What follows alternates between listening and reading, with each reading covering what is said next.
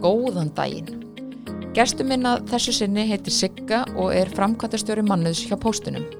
Við Sigga hittumst í Nóa Sirius stúdjón í podcaststöðinni og okkar helsta umræðefni var meðvirkni í stjórnun og vinnustöðum.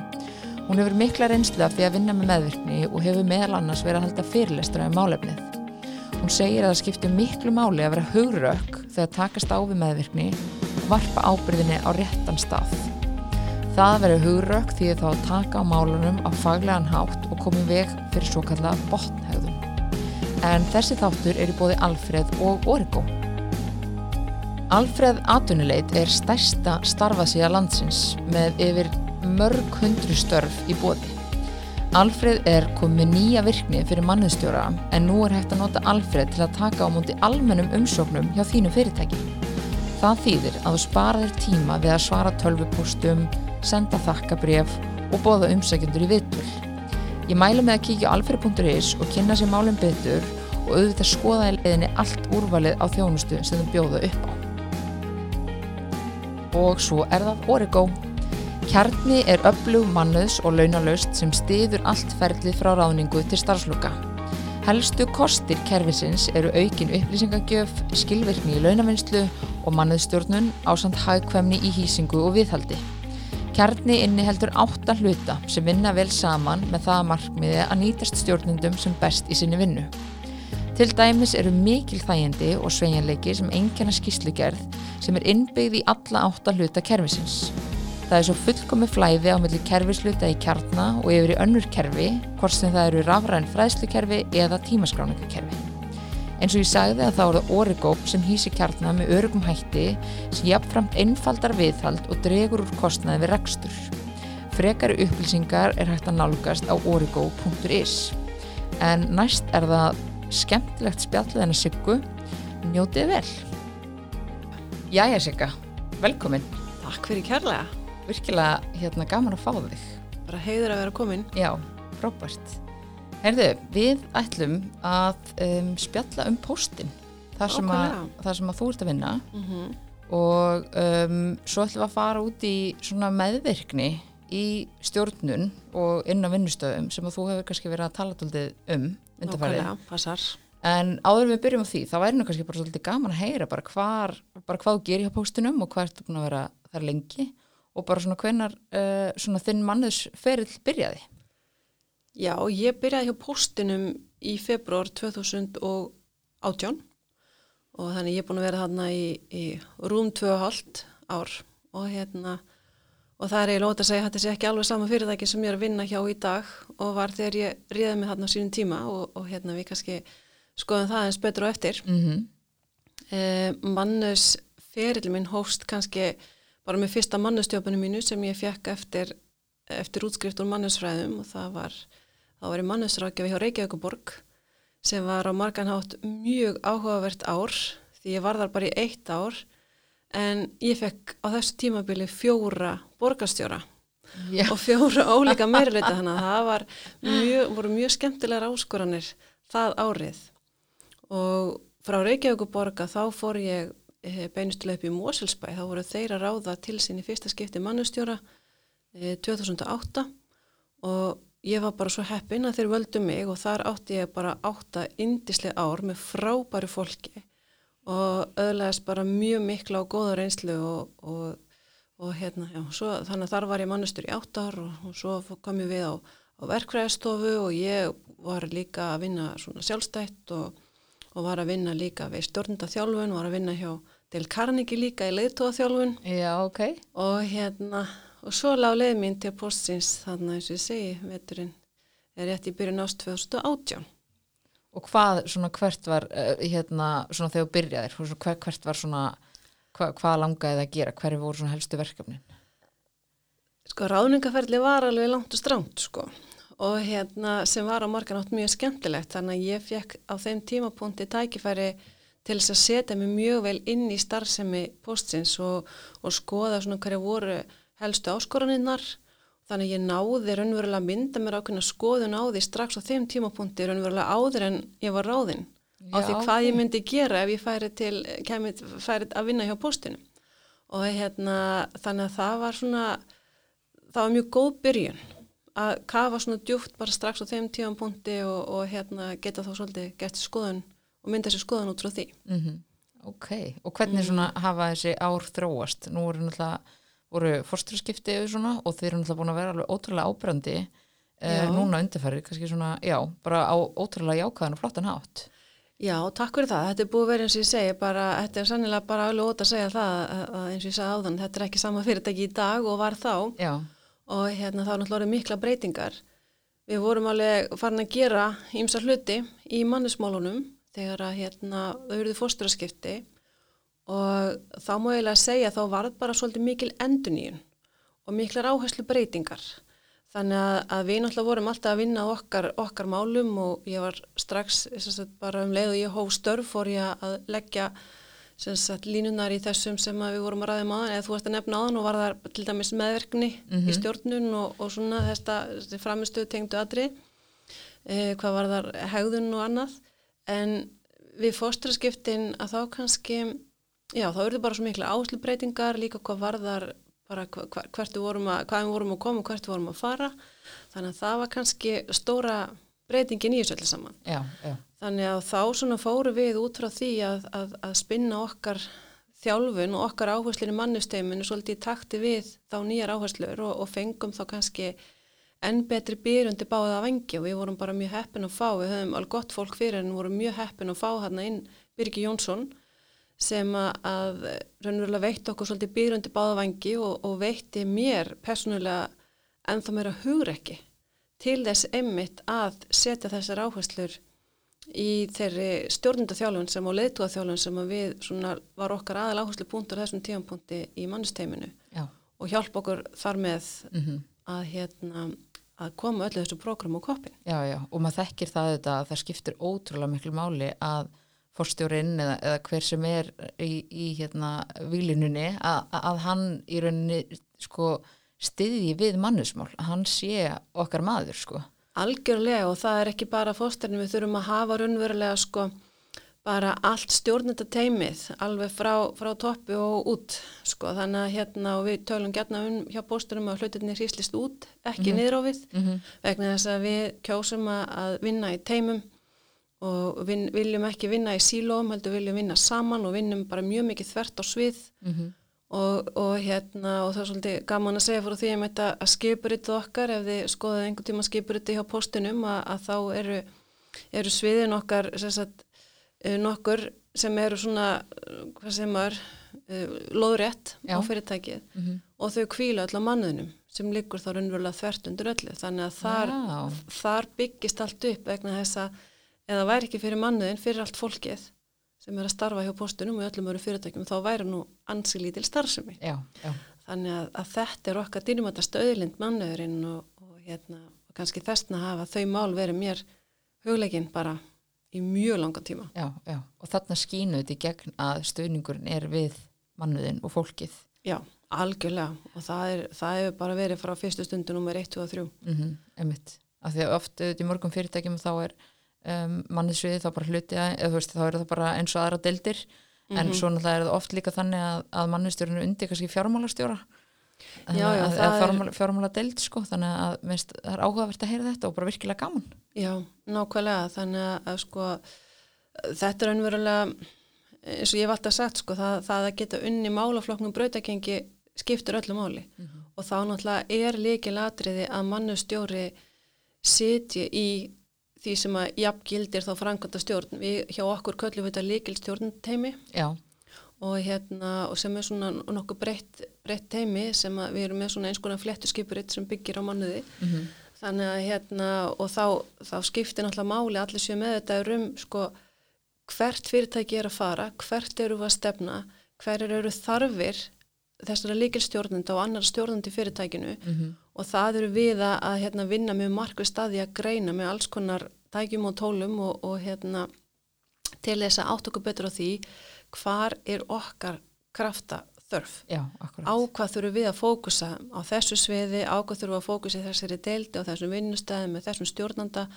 Og mannus deildin árunveruleg ekkert að vera með einhverju bara hilluvöru og segja bara þetta er bara eins fyrir alla. Nei, og það er það sem við erum að gera, veist, við erum að koma og vinna markvist í því að koma til móts við þarfir sko hvers og eins. Mm Akkurat. Þannig að það er svolítið áhuga við nálgum líka og til þess að geta gert það, að þá þurfum við náttúrulega að vera, vera með, taka þátt í stefnumótun og koma að þessu öllu saman, taka þátt í og koma að öllum ákvörunum og hérna sem eru teknar og, og, og vera algjörlega með það á kristaltæru hvert fyrirtæki stefnir. Já, til þess að við getum sem best verið virðisaukandi fyrir starfsemina því að það er náttúrulega það sem að mannes teimið fyrst og fremst er að, er að vinna að alltaf eins og reyndar allir aðrir. Mm það er að, ef maður má sletta á ennsku add value to the bottom line. -hmm. Það er náttúrulega okkar hlutverk Já, akkurat. En það sem er líka kannski hérna, um, er okkar hlutverk að það er einhvern veginn svona líka að horfa á heildina. Að það eru kannski svona aðra dildir sem er ekkert endilega kannski, þær eru kannski fókusur, meira fókusur á, á því að Mm. sko, koma því til skila sem þær er að vera góðar í. nákvæmlega En minnst einhvern veginn mannurinn, hann þarf að horfa á heildina. Hann getur Mhm. ekki bara að horfa á okkur ákveðin svið eða, þú veist, hann þarf að horfa á allan, allt fyrirtækið. Nákvæmlega við þurfum alltaf að vera með stóru myndina í huga. Já, og raunar sko að mínu mati ættu allir stafsmenn fyrirtækisins alltaf að vera með stóru myndina í huga. Já, og, og það er kannski líka þessna sem að okkar áhersla í mínu teimi það sem, það sem að ég hef kannski lagt sérstaklega áhersla á og kannski kom svolítið nýtt inn til postins með mér mm það var mjög mikil áhersla á leitu og þjálfun já, leitu og þjálfun, þjálfun þá sérstaklega við ákvæmum að byrja þar á stjórnendum og svona forstöðumönnum. Já, vegna þess að, ef að þeir fá góða þjálfun mm og eru raunverulega mjög meðvitaður um það hvað er í gangi, hvernig þeir geta lagt sitt að mörgum til þess að gera starfsemanna betur og ná meiri árangri, þá hríslast það svo fljótt út til starfsemannana, til milli stjórnenda og starfsmanna. Og hérna þannig að við að hugsaum bara, við vorum ekkert fjölmenn deild, við hugsaum bara ok, hvar nýtist kraftur okkar best til að byrja með. Og við tókum ákvörðun og lögðum þá, þá tilhugu fyrir hérna líkir stjórnateimi að við myndum leggja stað með bara markvisa leiðtóðþjálun fyrir okkar stjórnendur og það var bara go for it. Já, um mitt. og reyndar var ég alveg lögða stað með það áður en að, nýja líkil teimið kom. Já, og hérna þannig að þá erum við búin að taka svona fyrsta og annan ránd kannski í, í þessu öllu saman. Mm og hérna ég hef alltaf verið með mjög styrkleika miða nálgun ég er kennar í grunn, grunnskóla kennari já, þarna og koma. hérna þannig að ég veit það alveg að, og hef vitað það frá fyrsta degi að hérna að, að sagt, styrkleikar fólks er það sem við þurfum að byggja til þess að, að það geti blómstra í starfi Já, og ná framúskarandi árangri mitt, um mitt. og hérna ef við byggjum á styrklingum fólks og, og vinnum í því að ebla þá Mm að þá eru við á, á hérna á góðum stað Já, akkurat. Og þannig að, að þetta var svona áherslu punktur hjá okkur og, og raunverulega þegar að, að það kemur að því þannig að fósturinn okkar búin að vera, nýju fósturinn búin að vera kannski í þrjá mánuði að þá komu því að við þurftum að gera ansi erfiðar og sásukafella breytingar. Og, og þá verð ég að segja það mínum bara stjórnendum og, og samstagsfólki til rós að, að þau voru ótrúlega vel undirbúin fyrir að takast á við kannski flóknustu leiðtóverkefni lífsins. Og hérna og ég held að það hefði enginn kannski gett sér grein fyrir hvað er þið mikill rússipanni framöndan við vorum eiginlega bara að horfa á ekstra tölur þá. Við vissum ekkert að það kemur eitthvað COVID og nýtt allt saman. Mitt.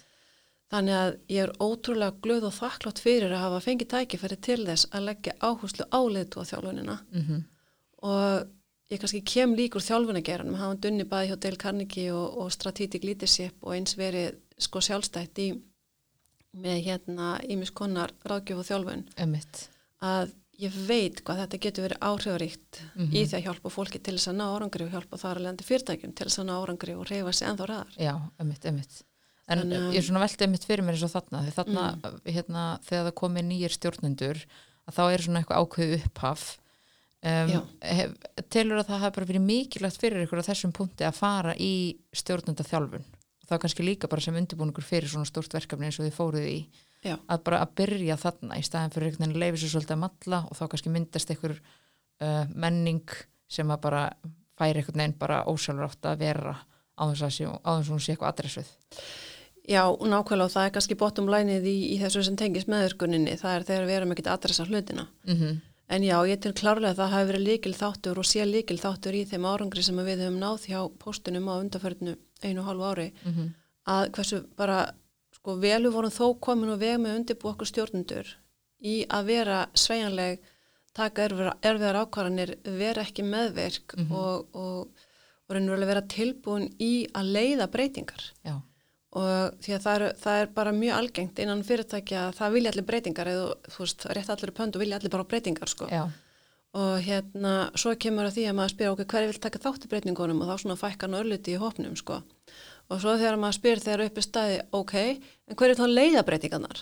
Og þá kannski er engin en það var ekki raunin hjá póstinum. Það voru bara allir sem að já þeir sem að urðu eftir upp á dekki þeir, eða þú veist, urðu eftir í bátnum, þeir bara fóru upp á dekk og það var bara brett upp erma og herðu við erum með og við ætlum að taka þátt í að leiða þessar breytingar. Mhm, og það hefur alveg ótrúlega gaman og gefandi að sjá raunverulega hvað fólk hefur stíð upp og verið tilbúið til þess að horfa á stóru myndina. Því að þau eru upp í staði þá stýst stóra myndinu postunum ekkert um okkur einstakar starfsmenn heldur bara um alla landsmenn skilur við. já, akkurat, Veist, við þurfum annars vegar að veita en góða þjónustu og hins vegar að sjá til þess að, að hérna, við séum að skila ásættilum og restarhagnaði. já, akkurat, Þannig að þetta er það sem að verkefnið okkar, þetta er leikurinn sem við fættumst til að spila. Mhm, einmitt, og, hérna, og það er bara þannig, þú veist, með, fyrst ég er farin að nota fótbolta, ég er náttúrulega alveg upp á Akranissi, þannig að það er mjög kannski eðlilegt, eðlislegt að, tala um fótbolta. En, hérna, en það er bara þannig stundum að, að það kemur nýr þjálfari og hann gerir breytingar á liðinu sínu. Og það hefur ekkert með það að gera að leikmenni sem voru í liðinu hafi ekki verið, verið góðir eða sé ekki góðir leikmenn. Þeir bara einfallega blómstra betur undir öðrum kringustæðum já, og þegar að, nýr þjálfari kemur í, hérna, í, í liðið og, og fer svona að, að skoða hérna, það kemur opnast félagaskipta á glugginn og hann fer náttúrulega að fá nýja listmenn um borð og, og þá leggur hann ákvæsla, ákveðna áherslur og, og svona fyrir stillu bleikkerfi og annað slíkt og, og, hérna, og það var bara okkar mat á þessum tímapunkti að fara að spila massífan sóknubólta já, og við áttum alveg gríðalega mikið inni og, og hérna og þessum tímabúndi þá var fundu við bara hvar þörfin var sterkust og þá kom bara gríðalega miklar kröfur frá vískettivinum um breytta þjónustahætti, um fjölbreytni í, í þjónustu leiðum, afhendingavali og, og öðru þannig að öll, og, og hérna og tala nú ekki um stafrætni þróun þar sem við Einmitt. vorum komin í tölvöld mikla, mikla skuld þannig að við bara settum undir okkur hausinn, fórum bara út hlustum og viðskiptifinum, tölum við hann bara hvað vil ég, hvað er að gera, þú veist hvað þarf pósturinn að gera til þess að við getum þjónustu ykkur? Og, og við erum bara ennþá á kafi í því samtali. Og, hérna, og sér bara ekkert fyrir endan á því og við erum bara núna as we speak með hérna búin að vera að setja upp og erum í endur þetta aðeins að stoppa út á COVID að hérna að setja upp postbox út um allt land og við erum að fjölga afhendingarlegum að því að koma með pakkaport og, og þannig sem að þú getur sótt pakkað inn á, á, hérna, á orkustöðar og, og hérna, sam, hérna hjá samköpum og út um allt land. Þannig að við erum virkilega að hlusta á viskitvininu okkar hvað var það líka heimgeslu þjónustu og annað og Og þetta, allt saman, hefur okkur tekist að, að breyta, og að þú tala um fyrirtækjamenningu náðan, bara nákvæmlega með því að vinna markvist í því að breyta fyrirtækjamenningunni, breyta viðhorfi, kannski úr því að skoða, ok, hvernig getum við gert hlutina þannig að þeir hendi okkur sem best yfir því að skoða, herðu, hvernig getum við gert hlutina þannig að þeir hendi viðskiptvinninu sem best. Og þar eru við að vinna og þar eru við ótrúlega stolt af því að hafa náð náð árangur. Og þetta tekst með því að við erum að þjálfa fólki okkar, þjálfa okkar stjórnendur þjálfa okkar, núna erum við að hefja þess að þá næsta rándi að fara að þjálfa millistjórnendur og svo hýslast þetta út til starfsmannun okkar. Og þannig að þetta er svona, já, þetta hefur verið svo áherslu punktur sem við erum að, að vinna með. Já eins og ég sagði líka við hérna áður en áður en við byrjuðum að, að hérna, taka upp og þá svona kannski pósturinn maður leita á þetta þetta var bara svona eitthvað umslag þú veist, þetta var svona, þetta bara barst og bara allt er góð með það. En núna einhvern veginn þið hafa verið að sækja svo svakalíku veð, veðrið og sem hefur verið bara alveg frábært og ég held að það bara virkaði alveg ótrúlega vel. En þú veist, þið hljótið mitt að hafa þurft að fara í um, já, bara mikla vinnu af því að svona gerist ekkert nema stjórnundateimið og allir starfsmenn viti bara nákvæmlega hvað er að vera að gera. Algjörlega og þarna kemur heitur akkurat hérna naglan á höfuðið og tengir beint í það sem ég var að segja áðan með að það er svo mikilvægt að allir starfsmenninir sjáu heildamyndina Já, vegna þess að þannig einungis þannig getur við unnið sem ein heild því að ná einhverjum markmum og ná einhverjum breytingum. Mm og við náttúrulega, þú veist, höfum alltaf verið mjög samstiga í leikil stjórnundateiminu og við erum sjálf í stjórnundaþjálfun. Einmitt. og ég sé að sjá kannski um þjálfunina fyrir aðra stjórnundur í fyrirtækinu. Mhm. þá er ég partur af leikil stjórnundateimi þannig að við erum með þjálfara sem þjálfar okkur. Og hérna og þannig að við höfum verið líka í að vinna alltaf endurast á því að stilla okkar strengi saman. Þannig að við séum meðutum það hvert við erum að fara. Mhm, og það hafa allir lagst á eitt við það að rýna reksturinn, rýna tölur, rýna reksturinn, rýna framistöðu, rýna árangur, rýna þarfir viðskiptavina, bara rýna allt sem að hægt er að rýna, skoða hvar eru tækifæri, hvar getum við gert betur og svo bara einfallega exekjúta. já, akkurat Og við höfum líka, þú veist, þetta er svolítið skemmtilegt að því að veist, þetta er bara mjög mikil forréttindi að fá að starfa í svona teimi eins og er hjá póstinum.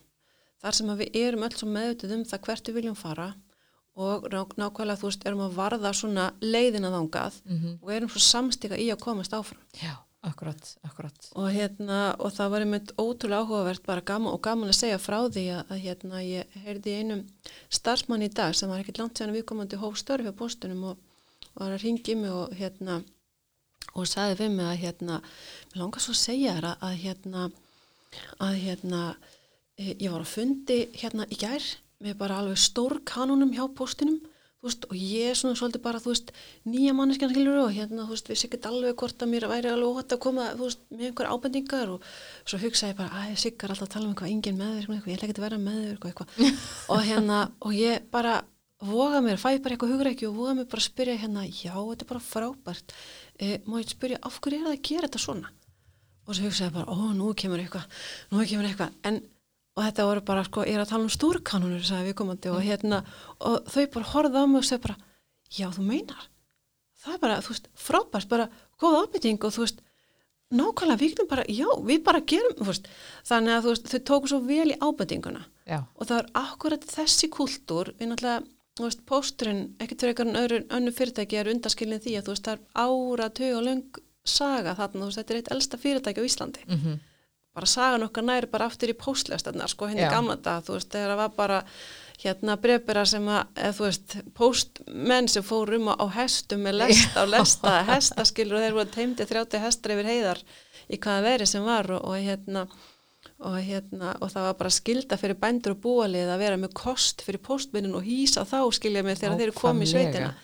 Svo langt aftur nær sagan okkar. Já, Þannig að það segir sér alveg sjálft að auðvitað myndast yfir tíman ákveðnar hefðir og vennjur og menning og siðir sem að kannski bara verða bara svona, ha, já, af því bara. mhm, Og enginn kannski veit alveg svari við af hverju. já, ömmit Og, og henda kannski bara ekki tíðarandanum já, og svo náttúrulega bara er bara, þú veist, þetta endalaust breytilega umhverfi okkar bara sem alheimurinn er þar sem er bara stöðut nýjar, nýjungar og mikill hraði og það eru tækni nýjungar og framþróun og, og kröfur og bara heyrði ég vil geta svona svona svona og hins einn og, og hérna og þá höfum við náttúrulega bara ekki defna því að segja já en vitið þið hvað við höfum bara alltaf gert þetta svona.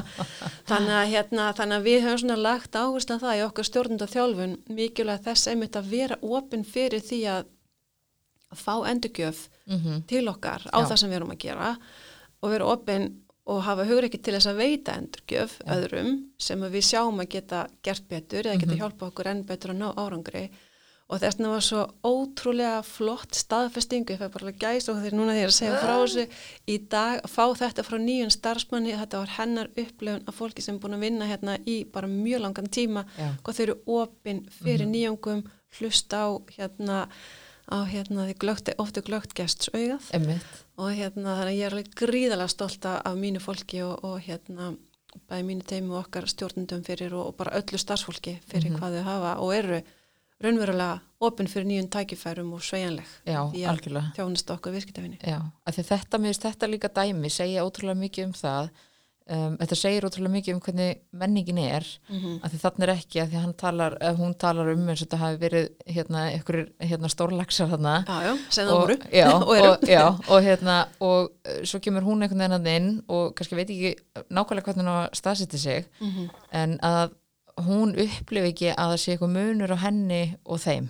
Nákvæmlega. skilur, að hún hafa alveg jafn mikið inn á hennan fund að gera og geta alveg sagt eitthvað á þess að það sé bara svona heyrðu, þú ert nú bara ný, verður þú ekkert að hérna, Nákvæmlega, veist, ekki og þetta- bara fara heimtíðin aftur? Þú Já, veist, það- einmitt, það- já, þú og veist, þetta segir ótrúlega mikið um hérna, menninguna finnst mér að, Já. veginn, að þarna voru þau bara á þessum eina fundi þau eru bara öll að vinna saman, það skiptir engum máli hvaðan þau eru að koma Nákvæmlega og, og það er akkurat þetta sem að ég er bara svo, svo glöð með, þakklátt fyrir að fá að, til er og að fá að hafa fengið að hafa áhrif í þessa veruna vegna þess að þetta kannski eru bestu vitnisbururinn fyrir þetta starf sem við í mannusteldinu höfum verið að vinna. Mm -hmm. og líka bara þann sko velvilja og hérna sem við höfum og, og hérna kvartningu og samstagsvilja frá okkar nánsta samstagsfólki einmitt í þessa átt. Ömmit, ömmit og, og hérna þannig að mér finnst þetta alveg ótrúlega flottu vitnisspörðu bara frá einmitt sko starfsmunni sem hefði bara ekki þurft að ringi mig og láta mig vita. Já, þannig að mér finnst þetta bara ótrúlega flott. Þannig að en þú veist svona prógram eða svona áherslur það er náttúrulega fæðast ekkert yfir nótt. Nei, þannig að auðvitað byggir þetta starf mitt og, og, og okkar á bara áratuga langri reynslu. Og hérna og alveg bara síðan að ég kannski bara hóf störf á vinnumarkaði þá fór maður að sjá meðverkni minnstur myndast Mhm. á vinnustöðum. Já, og að þú spurði nú um það hérna í uppæði hvernig mannusferillin minn hefði hafist. Mm að hérna þá er mér mjög minnist að það var verkfall með grunns, grunnskólakennar í november um, 2004 já. um haustu 2004 Já. og ég einhvern veginn bara svona tuttlegast nú með þarna einhverju hérna ásensat uh, verkfallsfund mm. skátahúsinu upp á Akranissi og, og þar voru nú margir svona mjög reyðir yfir ástandinu og, og hérna fannst þetta eitthvað svo ósangjant og ömulegt allt saman og, og hérna það var nú að fara illa með kennara og þetta var nú svona í einhvern veginn vá hvað mér varst erfitt að sitja þarna og horfa á hvað fólki leið illa mér leið illa, ég einhvern veginn bara hvernig kom ég mér í þessa stöðu og einhvern veginn svona að því ég var bara á þeim tíma bara mjög ánægði starfinu mínu og ég hafði ekkert valið þetta verkvall það hafði einhver annar valið það fyrir mig og, Mhm. og ég fór svona að hugsa að þetta er eitthvað sem að mig langar eiginlega ekki að taka þátt í aftur en vá hvað mig langar að geta tekið þátt í því að láta fólki líða betur í vinnun sinni Mhm. og ég fór einhvern veginn heim eftir hennar fund og svona var svona, já, þetta var eitthvað það kom eitthvað yfir mig á svona fundi Mhm. og á þeim tíma bjó vinkonu mín sem var líka e, kennari, hún bjó út í Lundi í Svíþjóð og ég sendi inn á Messengerin, MSN gamla Mm. og hérna fyrir eitthvað að segja við hana, herðu, ég held í alvörunni ég ætla að hætta að kenna og hérna, og ég er svona að flytja bara til köpun og fara að læra mannustjórnun. Og hún bara Sika, þetta er geðveikt. Nema hvað þú flyttir náttúrulega bara til mín til Lundar. Þannig að hérna og það varð úr bara, þetta var svona bara skyndi hugdetta tekin eftir hátti á miðugudegi, nóumbedegi hann í 2004 og, og það varð ekki aftur snúið. Og, og þá svona þegar ég fer hérna út í námi það náttúrulega var e, og, og nema við þennan sko sögufræga háskóla Lundarháskóla, það var náttúrulega alveg ómetanlegt og er ótrúlega indislegu staður og ég reyndar svolítið fúl eftir á að ég rakst aldrei á Georg Bjartfjörðarsson þú veist að meðan hann var að taka allar sinni háskólagráð, ég sá hann aldrei þannig að ég vissi ekki á honum. En hérna ég fekk bara mína einu háskólagráðu þarna og ég er ótrúlega hérna, stolt af henni og þakklátt fyrir það og, og hérna þannig að þarna, þarna byrjaði allt saman. og svo einhvern veginn þegar maður kemur út á vinnumarkaðin og fer eftir sessat, eftir námið út í vinnumarkaðin þá sér maður bara að það er svo margt í gangi sem að maður sér að er bara algjört bull og villasa er enga veginn í lægi en það er einhvern veginn samt verið að samþekja það. Já, einmitt. og ég hef einhvern veginn svona markvist, auðvitað hef ég alveg verið meðurk og bara lendi í þeim að, aðstæðum og, og, hérna, og ekkert alltaf verið stolt af því og það er kannski líka þessna sem að ég fór bara markvist að vinna í því með, bara fekk mér handleira fór að vinna markvist í því með mínum handleira hvernig ég gæti raunverulega unni buga minni eigin meðurkni Mhm. og það verður svona raunverulega upphafið að þessu sem að ég hef svona hef verið að vinna með með okkar stjórnundum hjá postunum Mhm. og hérna það prógram raunverulega þróast svolítið uh, er svona kannski fullmótast eftir ég, ég kem þangað. Og, og, og þá svona fer maður að skoða ok, hvar er að myndast minnstur af hverju er þessi minnstur að myndast? Um, af hverju er stundum verið að samþykja einhverja hegðun sem allir sjá að er ekki lægi veist, af hverju fólk að sína sér hegðun sem er ekki lægi já, og, hérna, og hvaða, hvað getur vinnustæðin gert, hvernig getur við tekið á fólki sem að Mhm. sýnir af sér óæskilega hegðun, við köllum að kjósum að kalla það botnhegðun. Já, einfalt orð, bara botnhegðun, þú veist, hverju er fólk að sína sér botnhegðun? Mhm. þú veist, og svo náttúrulega er þessi æskilega hegðun sem er einfaldara og betra hugtaka mínum að þetta kalla bara topphegðun af hverju er ekki allir að sína þessi topphegðun Mhm. þú veist, hverju er fólk ekki að nota styrkleikana sína, hverju er ekki fólk að fá að nota styrkleikana sína, hverju er, eru skuggar hérna alltaf ofta að taka yfir veldin og bara hverju eru við svona meðverk í þessu þjóðfélagi? Þannig að þetta verður svona bara í gegnum árin mótast bara þessi reynsla. Ekkit, eitt stafsmar, ekki einn vinnustæður ekki eitthvað eitt tilfelli heldur bara þetta svona sapn í sarpin já, já, sem að verður þessi því ég hef svo oft verið spurð bara já þannig að þegar þú byrjar hjá póstun þá bara er bara allt ómögulegt og þú verður bara að að bjarga málunum og, og það er nú bara aldeilis ekki þannig. Við höfum bara mjög góðan grunn að byggja á þar. Já, þannig að hérna þar við raunverulega fjekki freka bara tækifæri til þess að fara að prófa allir þessi verkfæri. Já, akkurat, akkurat. og hérna vegna þess að og, og ég fer stundum hérna stundum er hatt samband við og ég beðan um að koma og vera með fyrirlastur eða vinnustofi eða námskeið sem að tengist meðvirkni. Mhm. og undan tekningar laust að þá segir fólk, bæði hef ég farið sérstaklega fyrir stjórnandur og svo líka bara fyrir heilu vinnustæðina og undan tekningar laust segir fólk eftir þegar ég spyr svona eða hvað segir, hvað stendur upp úr? Bara vá hvað ég tengi. Þú veist, vegna þess að við erum faktist séð, alveg sama hvort við erum í vinnu eða skóla eða heima hjá okkur við erum öll einhverstaðar að glíma við Mhm. meðvirkar aðstæður já, og það eru bara allir að tengja og ég var bara svo heppin ég fikk hugur ekki til að tala um þetta Mhm. og ég fekk uh, yfirmann og hérna hvað sem var samstarfsfólk sem að hérna veitti mér einmitt þetta hugur ekki að halda þessi til streytu og vinna með þetta Mhm. Þannig að það er líka eitthvað sem að, að hérna, er alveg ómetalegt já, já, já.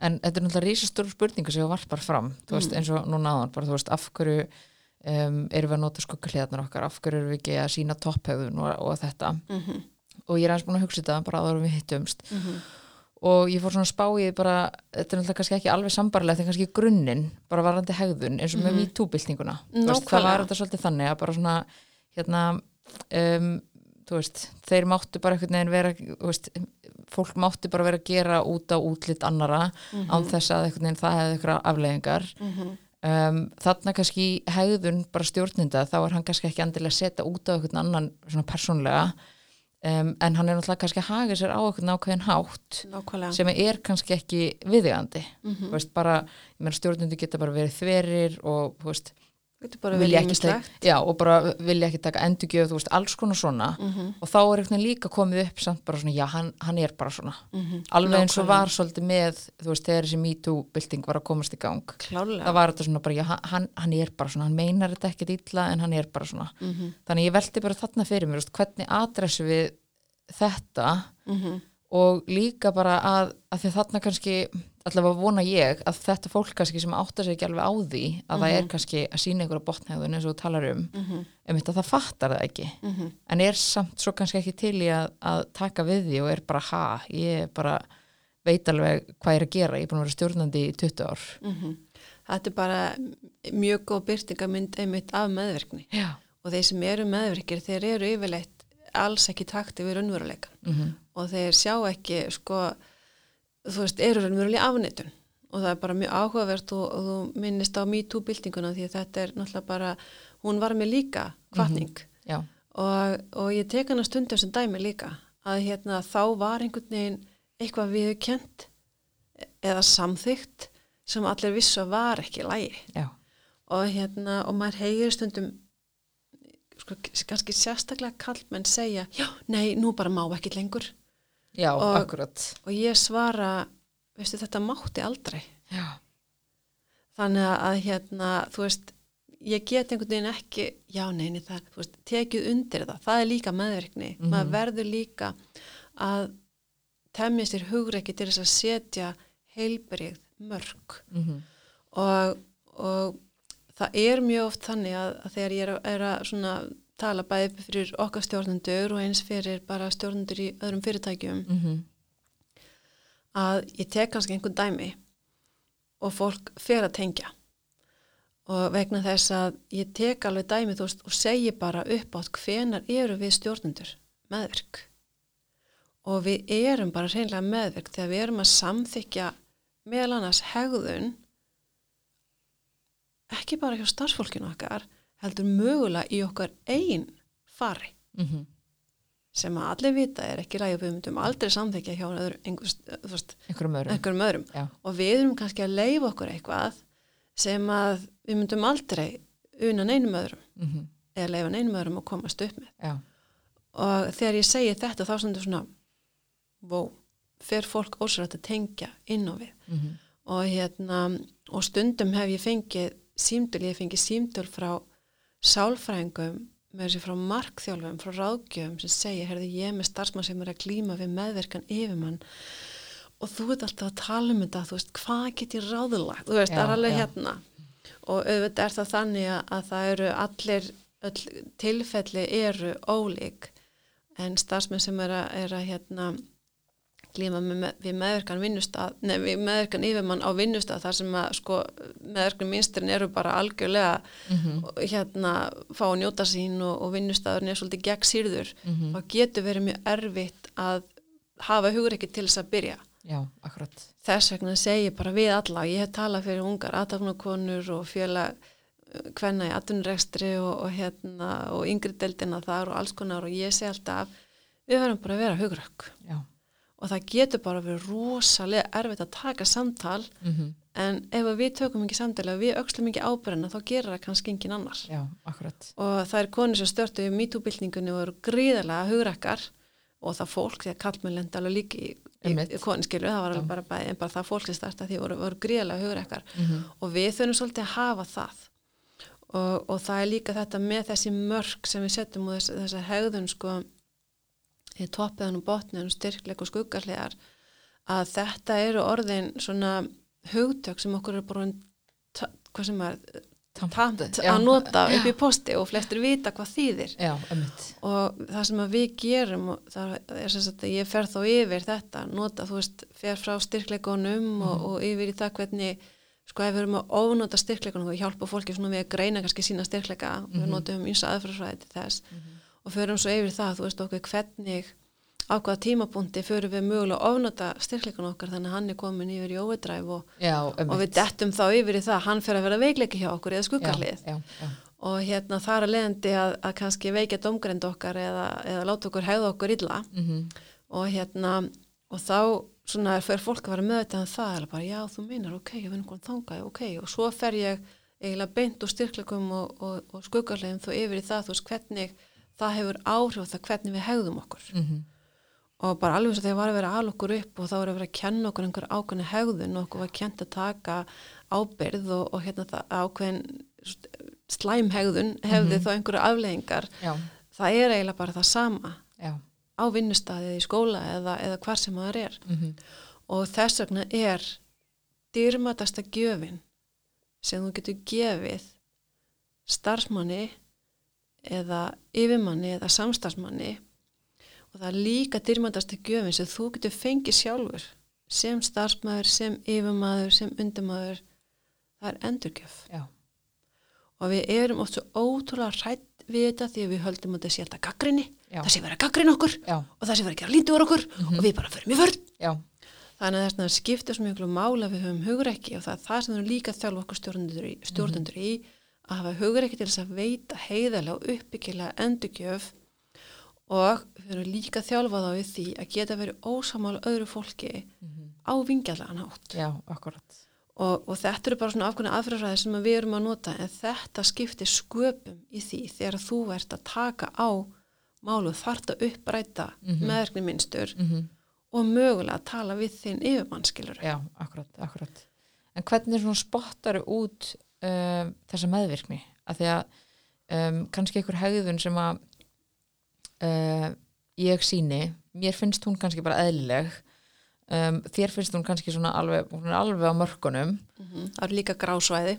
Einmitt. Og, botniðun og grásvæði, já, já, og hérna og þarna svona mitt velti ég bara fyrir mér. Þú veist, ég held að ég sé bara að gera hlutina vel. Mm um, þér finnst ég ekki vera að gera hlutina nóg vel. Þú veist, hvað er að ég skilur um mig, er það Mhm. endilega rétt það sem að þér finnst eða er þetta bara eitthvað svona þitt mat á því hvernig á að gera hlutina eða skilur þú? Það fer náttúrulega mjög mikið eftir aðstæðunum og hvers kyns er Mm -hmm.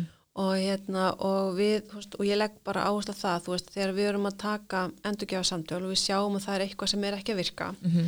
Við kannski áttum okkur ekki alltaf á því hvað er að virka en hérna, en stundum við langlustum tilfellum sjáum við kannski hvað það er Já, og þá, þá hérna skiptur svo miklu máli að við séum að veita endurgjöfunum með réttum hætti. Mm og við séum ekki að tala bara eitthvað út í loftið heldur við förum, við horfum alltaf á þá framinstöðu eða hegðun í samhengi við markmiðun okkar eða framtíða sína. Já, um og það er akkurat þessna og kem ég að því hvað örglið þriðja fjörðaskipti í þessi samtala okkar hvað það skipti gríðarlega miklu máli allir starfsmenn fyrirtæki sem sé með þetta um það hvert við erum að fara. Mm því að við þurfum að tengt þeirra hegðun eða framinstöðu við það. Já, til þess að hjálpa þeim auðvitað skilning á því hvaða er þá þeirra hegðun eða framistöðu sem er ekki að virka. Já, og þá þurfum við veist, að hjálpa þeim að fara þá raunverulega í einhvers konar atvik eða, sagt, eða hérna uh, rök, stiðja rök okkar, neða stiðja mál okkar með einhverjum rökum og fara þá helst í eitthvað atvik sem að hann tengi við mann eftir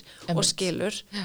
Og fara svo með það yfir í áhrifin á, á hópin, hann sjálfan eða, eða mig sem stjórnanda, fara svo þaðan í áhrifin og fyrirtækið og svo varpa ábyrðinni til viðkomandi að segja þú veist það er þess vegna sem að þessi hegðun er ekki að ganga upp eða þessi framistæð er ekki nægilega góð. Já, já, já, já, ég skil Hvað ætlar þú þér að gera í þessu? um mitt Og í staðin fyrir að ég sé að segja þú verður að laga þig og Já, þú veist einmitt, einmitt. og þú verður að gera þetta A, B og C og D og alveg hérna og hann bara, oh, kræst, hvað hún er bylla að þá fer ég bara höfða til hans eða hennar skynsemi Mhm. þú veist bara, tengi ég eitthvað hvað er í gangi Já, veist, og, og þannig að við komandi skilji hvað ég er að meina mm átti sig á því okkur það er ekki lægi já, og svo setja ábyrjuna, ég vísa það partur af því að taka á meðvirkun, það er að vísa ábyrjuna rétt að staði, Mhm. taka bara ábyrð því sem maður getur tekið ábyrð á og hérna vísa þá bara ábyrjuna rétt að staði og segja þá bara ok, hvað ætlar að gera í þessu? Já, um mitt svo setjum við bara upp okkur plan. Og ef við komum til skilur þetta ekki ef áttu að sig ekki á því eða, eða þú veist það er eitthvað óljóst eða eitthvað, þá bara tökum við annar ránd Já, og það segir náttúrulega sjátt, ég getum ekki tekið endarust ránd og Nei, stundum einmitt. er þá bara fólk að velja það að heyrðu, nei, ég bara, þú veist fólk er þá bara að velja það að vera ekki með okkur í liði. Já, akkurat. Og hérna, þá er það bara þannig. Mm mitt þannig að við svona, við reynum að nálgast hvert einasta mál bara út frá veist, aðstæðum hverju sinni Já, og hefða þá til ábyrra hvers og eins á því að, að hérna axla það ábyrg sem fylgir klálega starfinu. Og hérna hver svo sem hún er. Já, einmitt. En það er þá alltaf mikilvægt eins og þetta segir að vera með eitthvað svona dæmi til raukstunings Já, að bara þetta, þú veist, þa- þarna gerist þetta þú veist, þetta er akkurat það sem við erum að tala um. Eitthvað svona. nákvæmlega. Og, og, og sína raunverulega fram á það vegna þess að, að, að botnaðun og skuggarliðar gera ekkert annan að færa okkur og okkar fyrirtæki fjær markmiðunum okkar. Mhm. og sína fram á það að hérna hvað þetta er að færa okkur eða veist hindra árangurinn okkar Já, já, já, og ég held að það sé bara allir veist, vilja í grunn og botnin standa sig. Mhm. Þeir vilja þessi teki eftir þeim og þeir vilja að fá, þú veist, að við séum að hlúa þeim og það sé, þú veist, teki eftir sem þeir eru að gera. Þeir vilja add value to the bottom line, já, veist, þannig að hérna, þeir vilja vera virðusaukandi Já, í lang, lang, lang flestum tilfellum. Mhm, og þessna er það líka og það er það sem ég líka höfða mikið til í, hjá okkar stjórnundur þar að þeir taki ábyrg sem stjórnundur og raunverulega taki á þeim mál sem það er að taka og samþykja raunverulega aldrei það sem er ekki lægi já, og við höfum lagt upp með það að hérna á okkar vinnustöðum hjá póstunum og þá búum við bara einfallega til sáttmála um topphæðan Já, og þá raunverulega er við búin að búa til bara ákveðist stjórnundur okkar er búin að fara í gegnum svona þjálfun. Mhm, Við erum að byrja núna með millistjórnendur því náum við ekki að gera það í personu, við erum að gera það á Teams eins og er, já, en já. við bara neytum að þess að veiru í okkur lengur, þetta er bara þannig. Já. En hérna, þannig að við erum að, að, að höfða til þess að, að við séum að, taka á öllum svo málum. Og vinna markvist í því og, og hérna, og þá erum við búin að búa til efni fyrir stjórnendur sem að þeir fara þá með inn á starfsmannafundi og sér þess að þeir fari yfir raunverulega Mm. sem er búið að kenna þeim. Já, og þeir kenna sínu starfsfólki. Já, og svo raunverulega skilgrinir þá bara hver og einn þá hegðun sem að hann eða hún vil sjá eða sína á vinnustanum mm og nokkrar ólíkar hegðanir. Já, og skilgrinir þá líka móti hvaða hegðun hann eða hún vil alls ekki sjá eða sína á vinnustanum og svo er það búin til einhver svona konsensus um þetta, þú veist hvað eru kannski þessar tíu toppeðanir sem við viljum sjá á þessum vinnustað og þá á móti hverjar eru þá þessar tíu botniðanir sem við viljum alls ekki sjá? Já, akkurat. Og þar með eru þá stjórnundur kannski komnir með, ekkert kannski, þeir eru bara klárlega komnir með og starfsmenn eitthvað verkværi, mm einhvern sáttmála sem eru upp á vegg þar sem þeir hafa þá verkværi til þess að, að segja, herðu, þetta er það sem við samþuttum að gera. Já, akkurat. Og ef þú manst á miðvíkudaginn bara klukkan þrjú undir þessum kringustæðum þá gerðist þetta mannst þetta því. Mhm. já. Eru við sammála um að það hafi verið botnöðun eða þú veist, voru við þá kannski komin farin aðeins að halla okkur um mikið í botnöðun eða komin aðeins út í skurð og, Mhm. og hérna já, allir það ekki. Já, ok, þú veist, og hvað áhrif hefur það þá á, þú veist, heildamarkmiðun okkar? Mhm, ah, þá náttúrulega bara erum við að færast fjörðum nákvæmlega. Hvað ætlar að gera í þessu? Styrir til lægið? Nei, hvað að gera í þessu? Ah, ok, þú veist, já, þannig að þá erum við komið bara með einfalt verkværi, þú veist, í stæðan fyrir að segja, jæja, hérna, þurfum við eitthvað svona að fara eitthvað rosa formlegt, þú veist, þá erum við bara með hérna einhvern sáttmálpu veg, þú veist, mhm, við samþuttum að gera þetta svona, hvað að gera í þessu? já, akkurat. Bara vísa ábyrna rétt að staði. já, já en því þetta er náttúrulega, sko, svona verkefni þetta er náttúrulega ekki neitt annan en bara breytingastjórnun Þetta er klára breytingastjórnun, viðhórstjórnun og þetta er það sem ég er að tala um þegar ég er að segja, þú veist, við erum eiginlega handvirt að vinni að breyta fyrirtækjamenningu. mhm, og, og hérna og þar skiptir bara við þóru svo gríðarlega miklu máli. Mhm, og hérna og ég eins og það bara þegar ég er að ráða fólk reyndar ekkit bara á postum í gegnum tíðina þá hefur við þóru við yfirleitt sko verið langstæsti þátturinn skilur við mhm, þannig að hérna því að ef að við, rétt að við þóru við er til staðar þá er bara að komast svo ótrúlega langt. Já, akkurat. Og við erum bara í þessari vegferð hjá postunum, það er ekkert allir vinnustæðir búin að ná að halda svona vinnustofur og, Mhm. og, og gera þennan sáttmála. Einmitt. Og það verður bara að segja alveg svo er að það er kannski stærsta hindrunin verið COVID. Mhm, við bæði urðum fyrir já, höfum svona starfsmenn okkar hefur á vissanhátt laskast hún hérna í, í, í mars og april og náttúrulega var lítið í pípunum og, og Mhm. hérna við vorum náttúrulega bara allir, allir þá voru þetta svona fordæmuleysi tímar sko. Já, þannig að núna erum við á aðeins öðrum stað og mjög mikið í pípunum og mikið magn og mikið framöndan og, og þetta er ekki fordæmuleysi tímar og allir einhvern veginn að hlaupa hratt og standa þessu ótrúlega vel. En, en hérna þannig að það hefur kannski aðeins þurftu eitthvað undan að láta Mhm. en vonandi þegar við náum að, að hérna, komast yfir erfiðasta hjallana þá höldum við þessu ótrúið áfram að að Já. gera þetta á hverjum einasta vinnustaf klára þetta mál þannig að Mhm. við, það hafi allir vinnustafir þetta já, til að vinna eftir já, já, já en eins og þarna mér er svo áhugavert einmitt að því að hérna erum við svona sáttmála og þú veist það er allir búin að samþykja það að þetta er það sem við erum að fara að gera Mhm. og bara svona, já, bara svona viljum við hafa okkur Mhm. Um, og ég velti fyrir mig þarna því að einmitt í þessu samtali sem við konstanda með þetta dæmis aðan að um, þarna þarf fólk að vera ótrúlega svona uh, bæði meðvitað og til í að berskjalda sig klálega þú veist það þarf að vera til í að hlusta á bara heyrðu hérna í seinstu viku þá var ég bara ekki að fíla þetta og þetta er einhvern veginn ekki takt við það sem við erum búin að vera að tala um hérna Mhm. og þú þarft að geta verið bara já, það er bara rétt Mhm.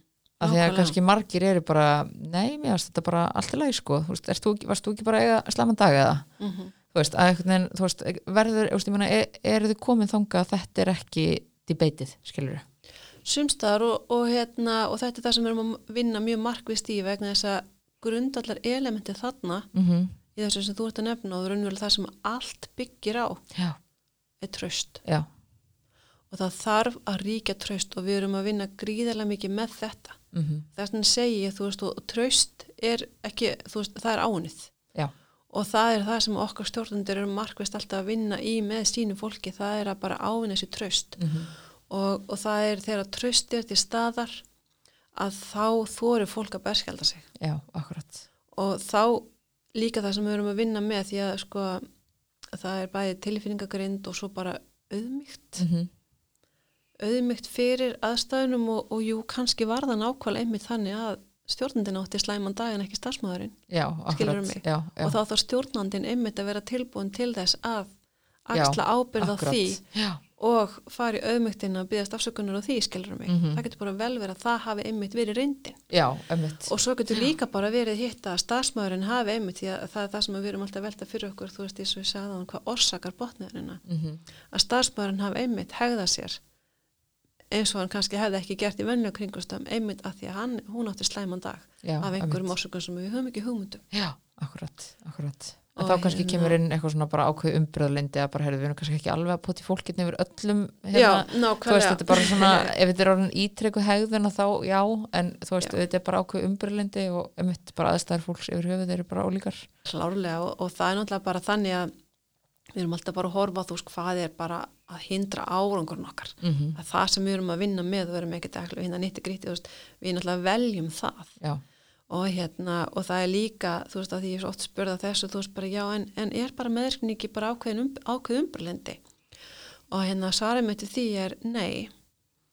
E, það er hins vegar rosalega fín lína á milli Mhm. meðverkni og umbrlendis, Já. það getur verið það. Mm að sko þegar við erum meðvirk eða horfum upp á meðvirkar aðstæður þá erum við að samtökja eitthvað sem er ekki lægi Mhm. eitthvað sem meiður okkur, það er einhver að fara um mörkin okkar eða við erum að fara um mörkin okkur annars og hérna eða erum að horfa upp á það þegar við erum umbralind þá er það eitthvað sem við kannski erum ekki vön eða þekkjum ekki, það er kannski annar menningaheimur, það eru ólík, ólíkar kynstofar inn á vinnustanum Mhm. það er öðruvísi vinnula, það eru nýjar áherslur við erum ekki endilega sammála nýju áherslunum en þú veist, þetta er bara það sem gildir núna og þá þurfum við að vera umbralind þá þurfum við náttúrulega bara að, að gera eitthvað sem við kannski ah, erum ekki endilega alveg sammála, við hefum bara viljað gera þetta eins og það var alltaf gert. Og þá þurfum við náttúrulega bara að sína ákveð umbralindi rétt á meðan. Mhm. þannig, að- þannig að það er alveg munir á umbralindi og meðrykni en mér finnst einmitt ótrúlega fallegt að þessi, þessi spurning kemur eiginlega alltaf upp líka eftir svona í umræðum eftir fyrirlesturinn bara, já hvernig er þetta þá með já, þannig, að- þetta er svona En það segir sér kannski líka að þú veist, fólk er um, veginn til í að gefa öðru fólki sens og þú veist, það má gera mistök og eitthvað svona, en svo þetta bara, Nefnilega. þú veist, um leiðu þetta farið að verða að eitthvað svona hegðun sem bara, er bara hegðun að minnstri, já, að þá getur þetta fara að hafa bara slægum áhrif á samstagsfólk og, og annað fólk. klárlega, þegar það er stjórnleysi þegar það er markaleysi þegar þú ert ekki takt yfir raunveruleikan og það er eitthvað svona bara eitthvað sem allir sjá bara, "Heyrðu, þetta er ekki í lægi Já, þá er það náttúrulega eitthvað sem er ekki í lægi sko. Þannig að, að hitt er náttúrulega bara þú veist, auðvitað erum við bara öll, eins og við erum og við þurfum alltaf að fá að njóta okkar á okkar forsendum. Mm og það er það sem ég er alltaf líka að tala um veist, við höfum öll rosalega ólíka styrkleika og þannig reynum við kannski líka í teimi fólk með ólíka styrkleika. Mhm. og það þýðir líka ekki að við þurfum alltaf að vera sammála öllu og öllum. Við verðum að hafa ólíka skoðanir. Mhm. það þarf ekki að vera í tröst á vinnustanum þannig að við getum komið með skoðanir okkar alveg sér dæminni sem við segja ráðan með starfsmannin sem að Mhm. og spurði hana veist, við þurfum að geta komið inn með okkar skoðanir við þurfum að geta sagt og svarað við þurfum að geta átt heilbriðan ágreining og Já, tekist akkurat. á Já, jafnvel hækka róminn og þú veist Já. aðeins svona tekist á veist, það verður að vera því að ef við getum ekki tekist á um hlutina þá er aldrei neinn framþróun og þú veist, Já. ekkert svoleiðist Mhm. Þannig að það, eina, það sem að það, sko, það er ekki meðverkinn, það er bara heilbreytt og heilbreyð ákvörðan að taka. Já, og hérna, eða þú veist, leiðin að heilbreyðir ákvörðan töku mhm. eh, meðverkni er þetta þegar að eitthvað er ekki lægi eitthvað sem er að meiða Mhm. stjórnleysi eins og ég sagði áðan yeah. markaleysi og eitthvað þú veist og það er ítrekka að vera að fara yfir mörg og það er, það er meiðandi já, meiðandi hegðun. Þannig að hérna, eða, eða eins og ég segi framist það sem er ekki að skila já, skila neinu og jafnvel bara við komum til télur, hann sé að gera sitt besta og veit ekki betur þannig að þá þarf að hjálpa honum. Og mér stemmit líka því maður hefur oft fengið alls konar hérna, fyrirlesara tilsýni gegnum tíðina en það stendur hérna oft mjög upp úr fyrirlesarin hann hérna Pálmar Ragnarsson Já, Körubolta Já. Þegar hann er að lýsa því á sínu fyrirlesturum þegar hann er að fá þú veist nýja krakkin og æfingar og svona hvernig hann er svona virkið þau inn í hópin Mhm. og hann tala svo mikið um þú veist við þurfum að hjálpa staðið, við þurfum að hjálpa henni til að vera ógislega góð og, Mm. og þú veist og það er akkurat þetta sem að þú veist, snýst um, við erum ekkert að hjálpa fólki að sleppa þú veist við eitthvað eða við halda áfram með ógislega lélur, við erum bara að hjálpa fólki að vera ógislega góður. Já, þú